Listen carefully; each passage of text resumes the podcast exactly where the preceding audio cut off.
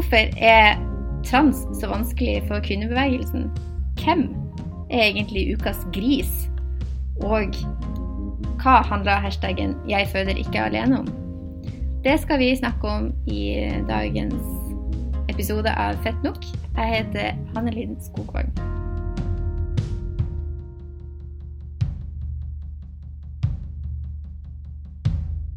Velkommen til en ny episode og en ny sesong av Fett nok, som er en podkast fra det feministiske tidsskriftet Fett. Her snakker vi om både aktuelle og evig aktuelle temaer for feminismen. Og i dag så tar vi opp hjemmefra. Hvordan går det hjemme hos dere, Jenny Schnaller og Mona Jibril? Det går bra. Jeg sitter, sitter her på soverommet og håper Eh, ja, med teppe på veggen og håper at uh, lyden blir bra. Mm, jeg har det helt særlig. Jeg har hjemmekontor og har hatt det siden jeg begynte i ny jobb. Så ja. Men uh, hvordan går det med deg da, Hanne? Eh, nei, det går sånn passelig her også. Jeg sitter på, faktisk på universitetet, for jeg driver og studerer litt ved sida av FETT for tida, så jeg skal levere eksamen i morgen. Eh, og eh, i tillegg så har vi levert et nytt nummer av FETT i trykken i dag. Så det er jo kjempebra og kjempegøy. Men jeg er også veldig sliten. Men eh, gira på å sitte her med dere, da. Selvfølgelig. Hva skal dette nummeret handle om, da? Eh, det skal handle om rus, og jeg tror Eller jeg kjente sånn mer og mer mens vi satt og jobba med det nummeret, at jeg tror det kommer til å bli et skikkelig bra nummer, og skikkelig bra tima. Fordi nå på fredag så ble jo også rusreformen til regjeringa lagt fram, og det kan jo virkelig endevende norsk politikk på dette feltet. Og eh, vi har fått ganske mange bidrag som både handler liksom direkte, men også indirekte om akkurat rusreformen til nummer, og kommer med mye interseksjonelle perspektiver og kritikk av både reformen og ruspolitikken sånn som den praktiseres i dag. Så jeg tror det blir kjempespennende. Og jeg føler virkelig at det er et sånt tema der som feminister har snakka altfor lite om i mange år, egentlig. Så eh, jeg tror det kan bli eh, bra.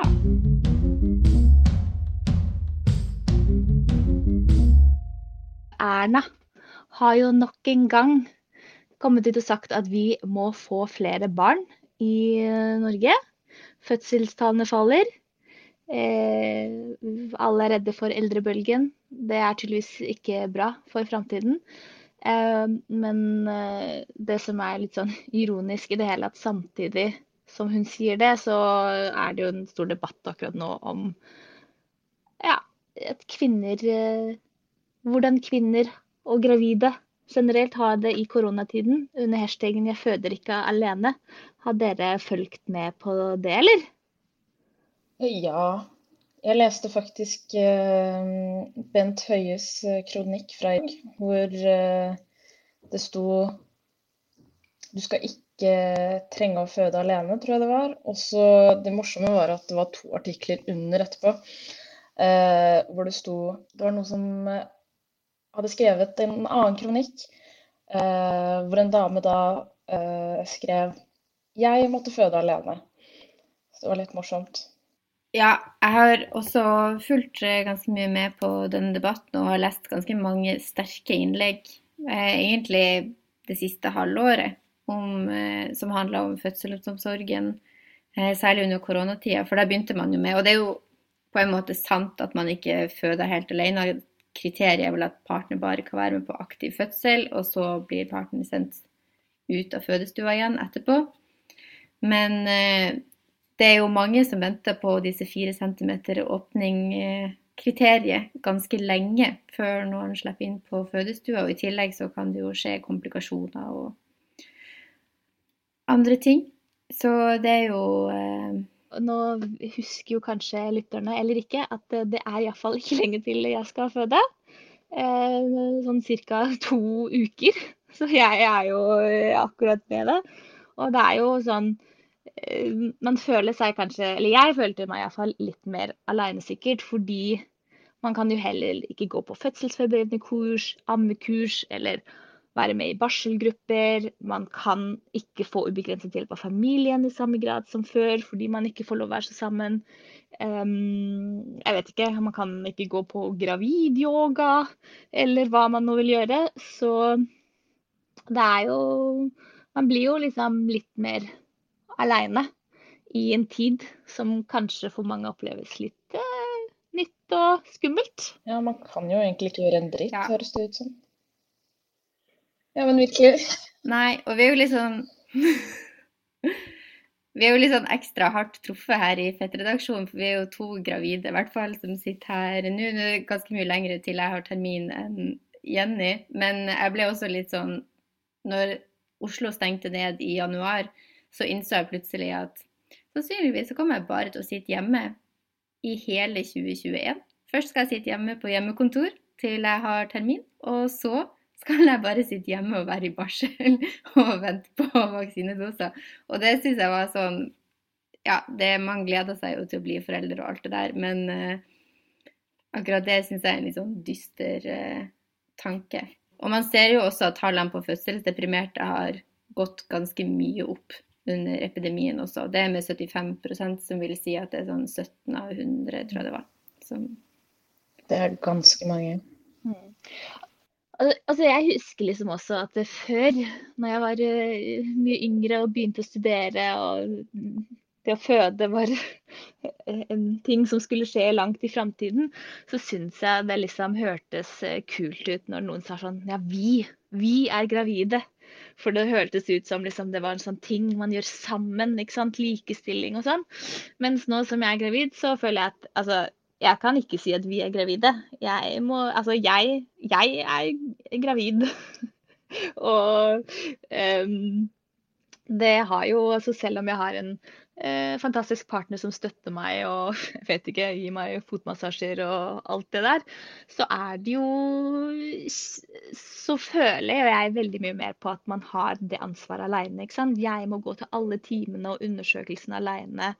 Ehm, jeg er liksom hele tiden ansvarlig for det. Og så det er jo også noe jeg har tenkt litt på, at jeg syns egentlig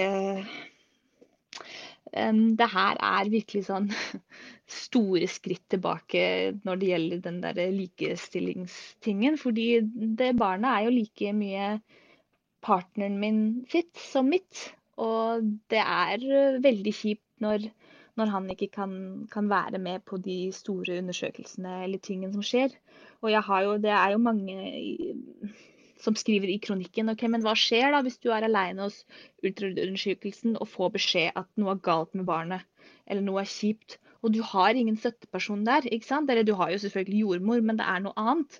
Og så må du fortelle det til partneren som er på jobb eller noe. Det er liksom en litt dårlig dynamikk i det hele, da, tenker jeg.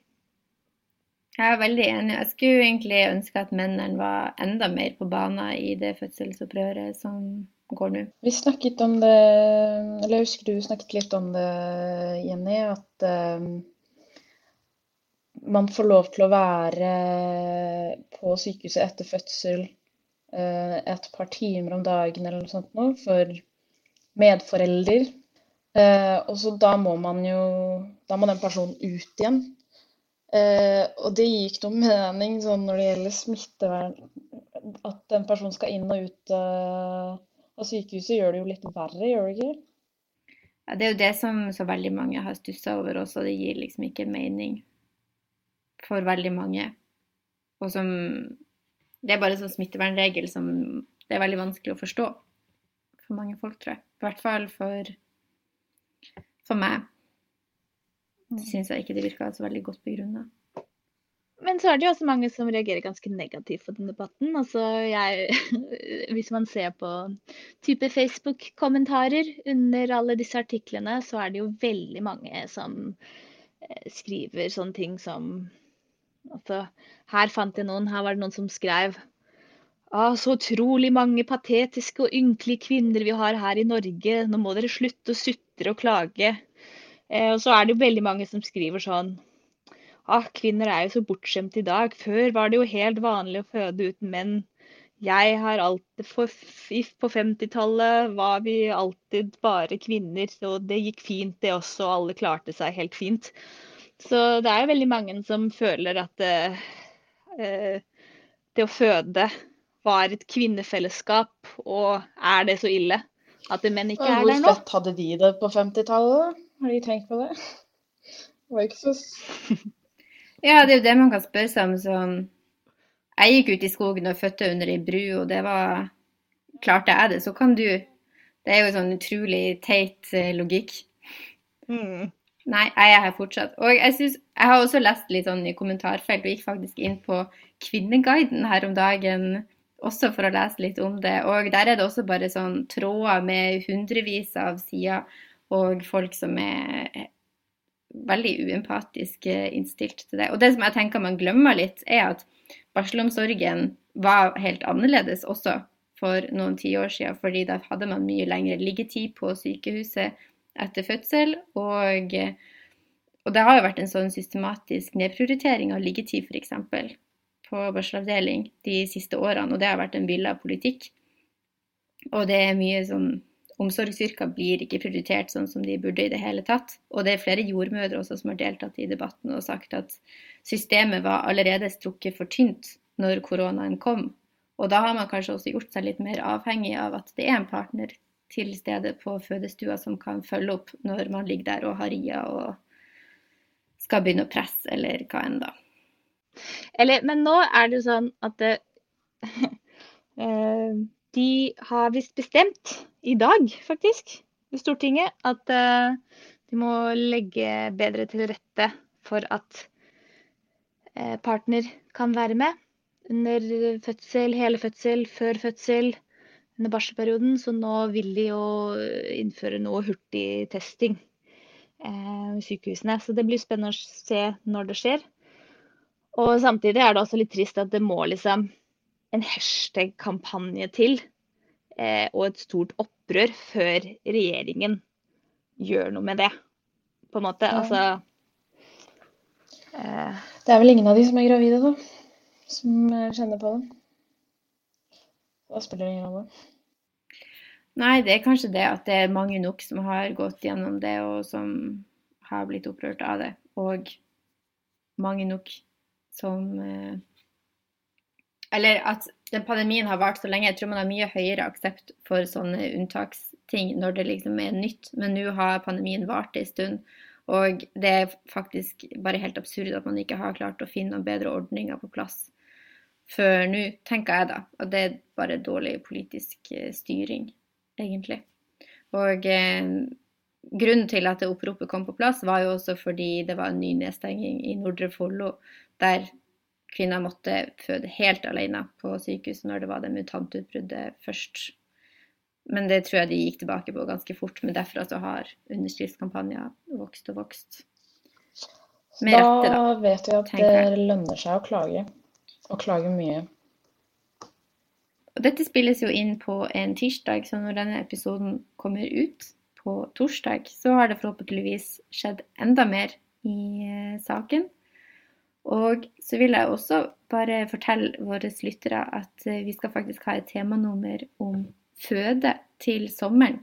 Så eh, hvis det er noen som lar seg engasjere av det vi snakker om nå, eller har en helt annen tolkning av begrepet føde, så eh, er det bare å sende inn bidrag til oss i redaksjonen. Eller tips.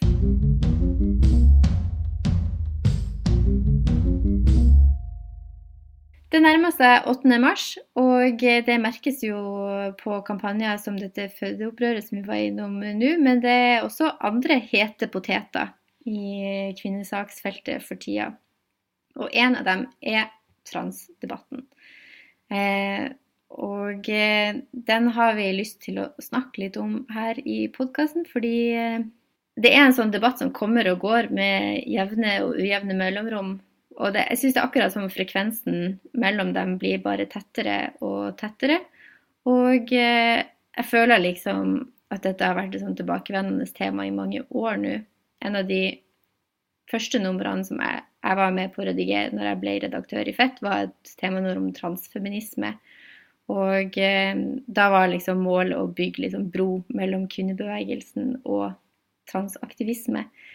Eh, og eh, jeg følte at eh, vi oppnådde mye med det nummeret der og da, men det føles kanskje ikke sånn sett i ettertid. Fordi jeg merker Før så var det typ sånn Hver sommer eh, så blusset den debatten opp, mens nå er det sånn tre ganger i året, typ. Det er ikke lenge siden det var en enorm debatt igjen, som var kanskje oktober, november 2020. Eh, og nå er den tilbake igjen i in full force. Ja, enig. Hvorfor tror dere at eh, den eh, kommer tilbake hurtigere og hurtigere? Jeg tror Jeg har prøvd å tenke litt på det, og jeg tenker at det kanskje er litt fordi den omfatter så veldig mange tema. Og det ene av dem er at det er et sånn veldig marginalt fenomen som mange mennesker fortsatt ikke har kunnskap om, men stadig flere begynner å lære litt mer om. At det kanskje er én grunn. Og så har du en annen grunn, som er det med ytringsfrihet, som blir tatt opp igjen og igjen. At sånn anklager om transfobi f.eks. knebler ordskiftet. Og eh, JK Rowling, som jeg ikke vet om jeg orker å gå inn på i denne podkasten engang, men i hvert fall liksom den kontroversen som har vært rundt to år, også blitt knytta veldig mot ytringsfrihet. Og så har du i tillegg det med at det vekker en del sånn, diskusjoner om hva er kvinne, og noen er kanskje redd for at begrepet kvinne av, er på vei ut av språket, selv om jeg ikke kjenner en eneste transperson som har sagt det, eller har, har fortsatt det gode å lese det. Det er ingen som mener det. Noe sted, egentlig. Jeg mener det, men ingen andre. Ja, men vil... Jeg vil endre hele språket. Det irriterer meg så mye at folk hvordan er man så besatt av spesifikke ord, liksom? Hvordan er det så jævla viktig for deg? Altså sånn helt seriøst, jeg snakket om dette tidligere i dag med kjæresten min, og jeg tenker bare sånn, vet du hva? Skaff deg et jævla liv, skaff deg en jobb. Jeg orker ikke Jeg skjønner ikke hvordan man er så besatt av uh, spesifikke ord, liksom. Hvordan sier det så mye om deg? Ja, ja, det er liksom spennende, fordi det er jo et tema som virkelig splitter feminismen. Og som også av og til gjør meg litt sånn trist, da. Fordi ja, nå sitter vi jo her tre cis-kvinner som snakker om trans. Eh, og det er jo også fordi vi på en måte Eller jeg iallfall, eh, går ut ifra dere.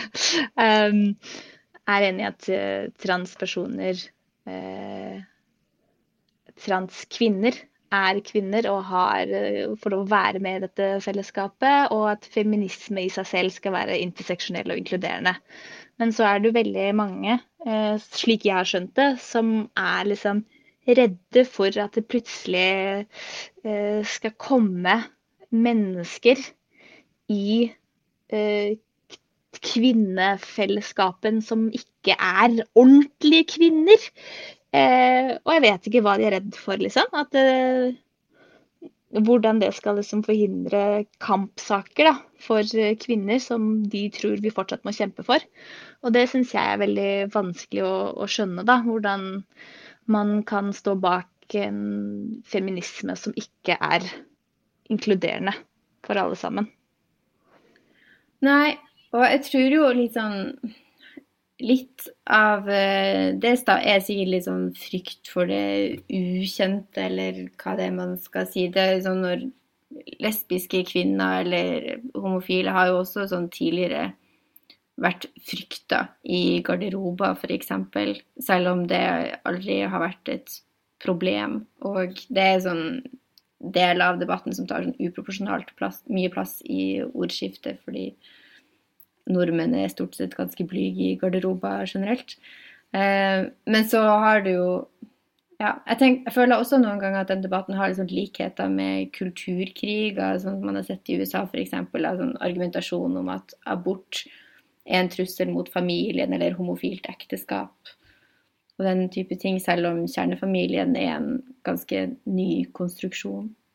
Eh, likevel. Så det er liksom Noen bare sånn rare dynamikker som ser ut til å oppstå når kontroversielle spørsmål om kjønn blir løfta igjen og igjen, selv om det er veldig ja, Nei, jeg vet ikke. Frustrerende, eller hva man skal si. Men jeg syns det er interessant at du har lyst til å slutte å bruke ordet kvinne, Mona.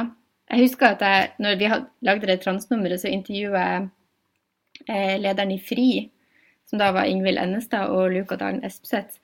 Og de var ganske tydelige på sånn nei, man trenger kvinner fordi det er nyttig å kunne føre statistikk, f.eks. For eksempel, fordi da kan man kartlegge diskriminering osv. At, at det er nødvendige kategorier men så, de er nødt til å bli mer inkluderende. Altså, nå sitter jeg her klokken halv syv etter en arbeidsdag og slenger litt fra meg etter at jeg har lest 50 eh, kronikker. Men det er liksom sånn Det er ikke sånn at jeg er imot ordet kvinne eller kommer til å slutte å bruke det. Jeg bare skjønner ikke hvordan det kan være så viktig for eh, enkeltmennesker, liksom. Bare sånn jeg, jeg klarer ikke å forstå hvordan konseptet kvinne er så viktig for deg at det er viktigere enn andre mennesker. Hvis dere skjønner? Ja, men jeg tror jo de folk flest vokser jo opp i en verden hvor de vet at det finnes to kjønn kvinner og menn, og det er kjempeviktige kategorier som de har bygget opp hele verdensbildet og verdensorden sin rundt seg. Og mange har jo veldig sterk kjønnsidentitet som veldig, har veldig musikk. Sant? Jeg som kvinne er sånn. Mm. Og det betyr at jeg er veldig annerledes enn menn.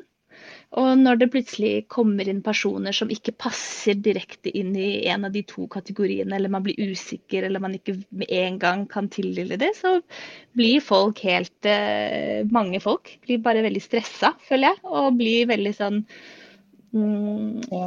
Føler at hele verdensordenen faller sammen. Mm. Så hvis ordet kvinne er borte, hvem er jeg da, hvis jeg er en kvinne? Ikke sant? Ja. Jeg har kanskje hengt opp hele identiteten min rundt det å være kvinne. Eh, jeg er jo religionshistoriker av utdanning, og da får jeg liksom lyst til å trekke inn sånne teorier om at man, mennesker hater ambivalens og har lyst til å tenke i veldig sånn dualistiske termer, sånn rent, urent, og alt som er imellom, er liksom matter out of place, ifølge sosialantropolog Taukenes. Nei, men ehm, jeg leste noe om det i dag, ikke akkurat det, men eh, man fremstiller jo liksom tanken om det binære skjønnet som noe som alltid har vært, og at det er naturlig og gudegitt, liksom. Eh, og eh, kanskje er det det, hvis du tror på det. Men eh, det har jo tidligere vært sånn at i mange ulike turer så har det vært Eh, ikke-binære, og det har ikke vært faste skilnader mellom verken kvinne eller mann eller alt det imellom. Så man trenger kanskje litt mer eh, kunnskap rundt det, og kanskje legge vekk tanken om at eh, den binære kjønnsforståelsen er ikke noe naturlig og naturgitt enig. Det trengs helt klart mer kunnskap om akkurat det der. Og heller uansett ikke noen grunn til å akseptere mm. transpersoner. I Frihet for alle, er det ikke? Bevegelsen, tenker jeg. Men uh, catch oss uh, i Klassekampen neste uke, hvor uh, de sier at Fett, tidsskriftet Fett, hater ordet kvinner, vil at kvinnen skal dø. Det er altså ikke det vi sa i dag.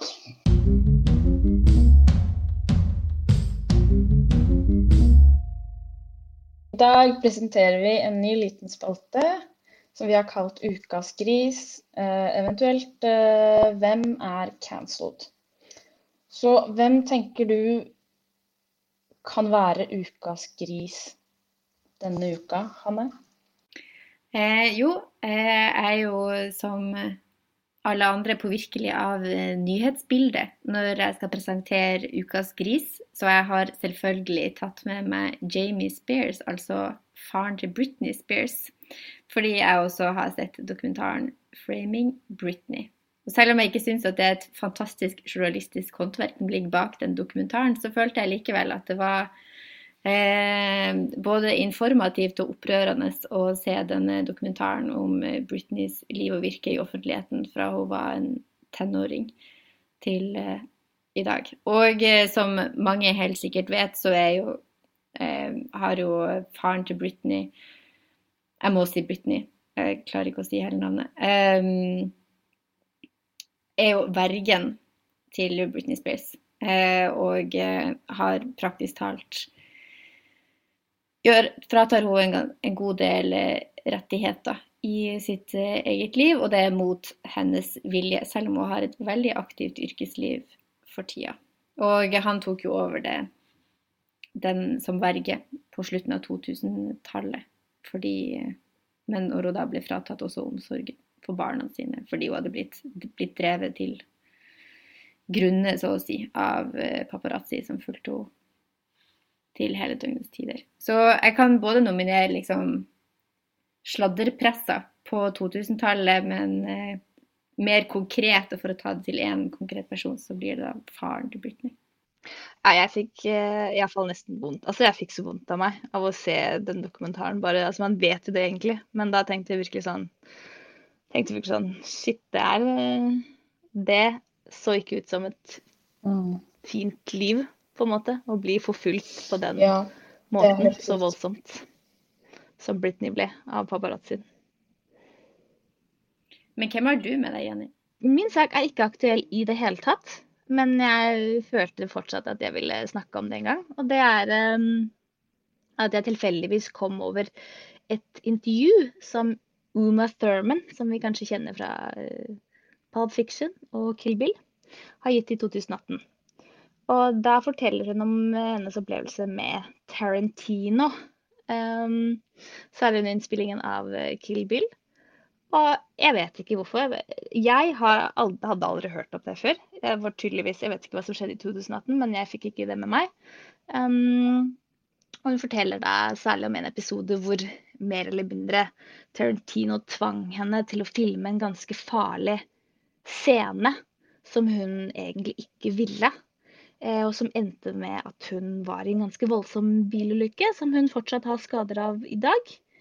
Eh, det hele ble filma, men Tarantina nekta å gi fra seg det filmmaterialet. Og etter 15 år eh, ja, rettssak, og fikk hun endelig det filmmaterialet.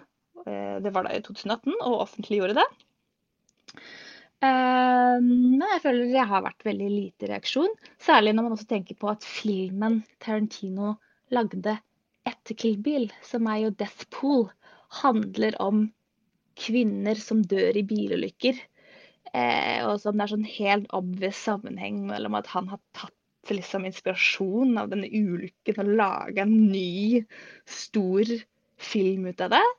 Men også kommet fram til at han har vært ganske litt sånn kvelt henne og spytta i ansiktet henne under innspilling og sånne ting. Og jeg bare eh, Jeg skjønner ikke hvorfor folk eh, Hvorfor han har fått så lite konsekvenser. Eller jeg får ikke med det med meg. Jeg føler at han er fortsatt veldig hypa som de beste, lager de beste filmene. Eh, så ukas gris for meg litt i etterkant, men på tide. Tarantino, riv ned Pulp Fiction-plakatene som fortsatt henger på veggen. Eh, det er på tide at eh, han blir cancela, tenker jeg. Ja. Det eneste han gjør, er å lage filmer eh, hvor han kan si n-ordet så mange ganger han vil. Men jeg har tatt med meg Marilyn Manson, som de fleste kanskje kjenner til. Jeg var ikke klar over at han hadde gjort noe nylig, men han er faktisk i pressen. Um, for han ble called out av eksen, filmstjernen Evan Rachel Wood. Og hun uh, fortalte om uh, ganske alvorlige ting. F.eks. så var han sammen med henne da hun var 18 og han var 36. Uh, eh, og etter det så var det også ganske mange andre kvinner som har stått frem. Men greia er at det, det, dette er ikke første gang.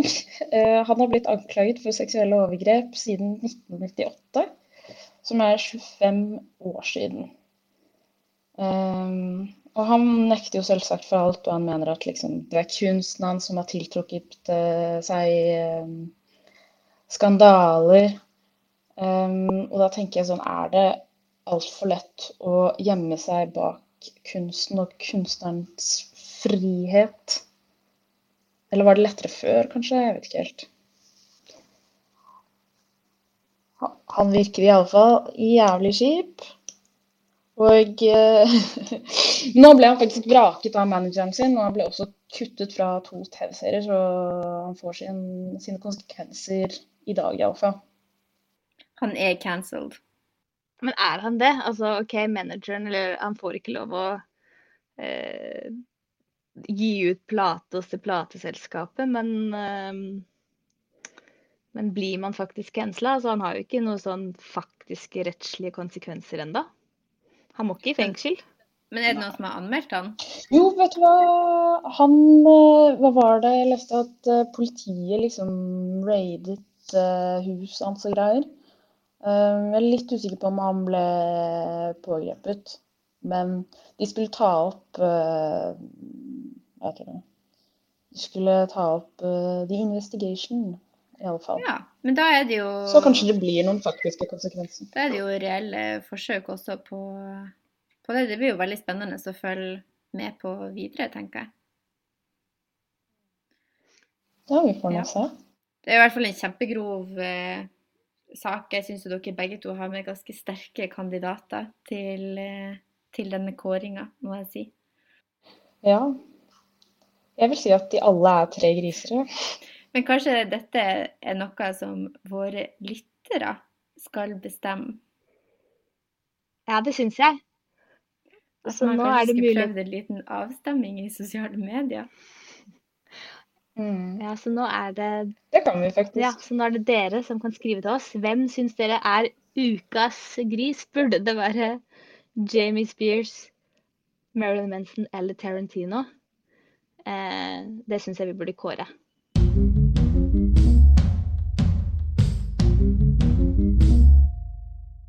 Hver episode fra nå av så kommer vi også med en fast anbefaling fra Fettredaksjonen, og den har du med deg i dag, Jenny. Ja, så min eh, anbefaling eh, i dag er eh, en serie. Eh, den, jo, den ligger ute på HBO Nordic og heter It's a Sin. Eh, kanskje dere har sett den, men eh, det er altså en serie som spiller på 80- og 90-tallet i London, hovedsakelig, Storbritannia, og handler om altså aids-epidemien og hvordan den rammet eh, særlig en eh, vennegjeng av hovedsakelig homofile menn, eh, ungdommer. Og den serien, det er jo selvfølgelig et ganske seriøst tema, men samtidig så klarer den serien å være veldig fin og morsom til tider. Og man blir Det er mye humor, man blir godt kjent med disse menneskene. Eh, men så er det selvfølgelig også ganske hjerteskjærende. Um, syns det er veldig fint at det spiller i England. Um, og så er det jo også faktisk eh, litt spennende eh, å se på den serien i dag, hvor de viser hvordan et nytt virus som ingen kjente, ble tatt imot. Eh, selv om man absolutt ikke kan sammenligne korona med aids, så er det jo fortsatt litt sånn spennende eh, hvordan Ja, med betraktning rundt smittevern og sosial stigmatisering og hvordan mennesker omgås med et nytt virus som ingen helt vet hva som er. Så um, jeg anbefaler denne serien veldig mye. Jeg likte den kjempegodt, selv om jeg grein hele siste episode.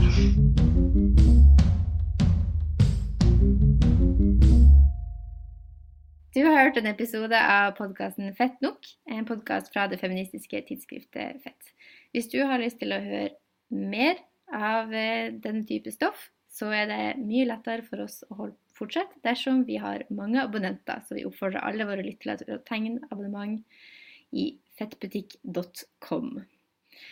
Eh, vi har et nummer ute snart som handler om rus. I denne episoden så har du hørt Mona Jibril, Jenny Schnaller og meg, Hannelin Skovang. Produsenten vår er Eline Hystad, og i redaksjonen har du også Mari Lilleslåtten. Musikken du har hørt, er laga av Anne Linn Berg, og logoen er tegna av Kjersti Johanne Barli. Vi får støtte fra Kulturrådet, og vi høres snart.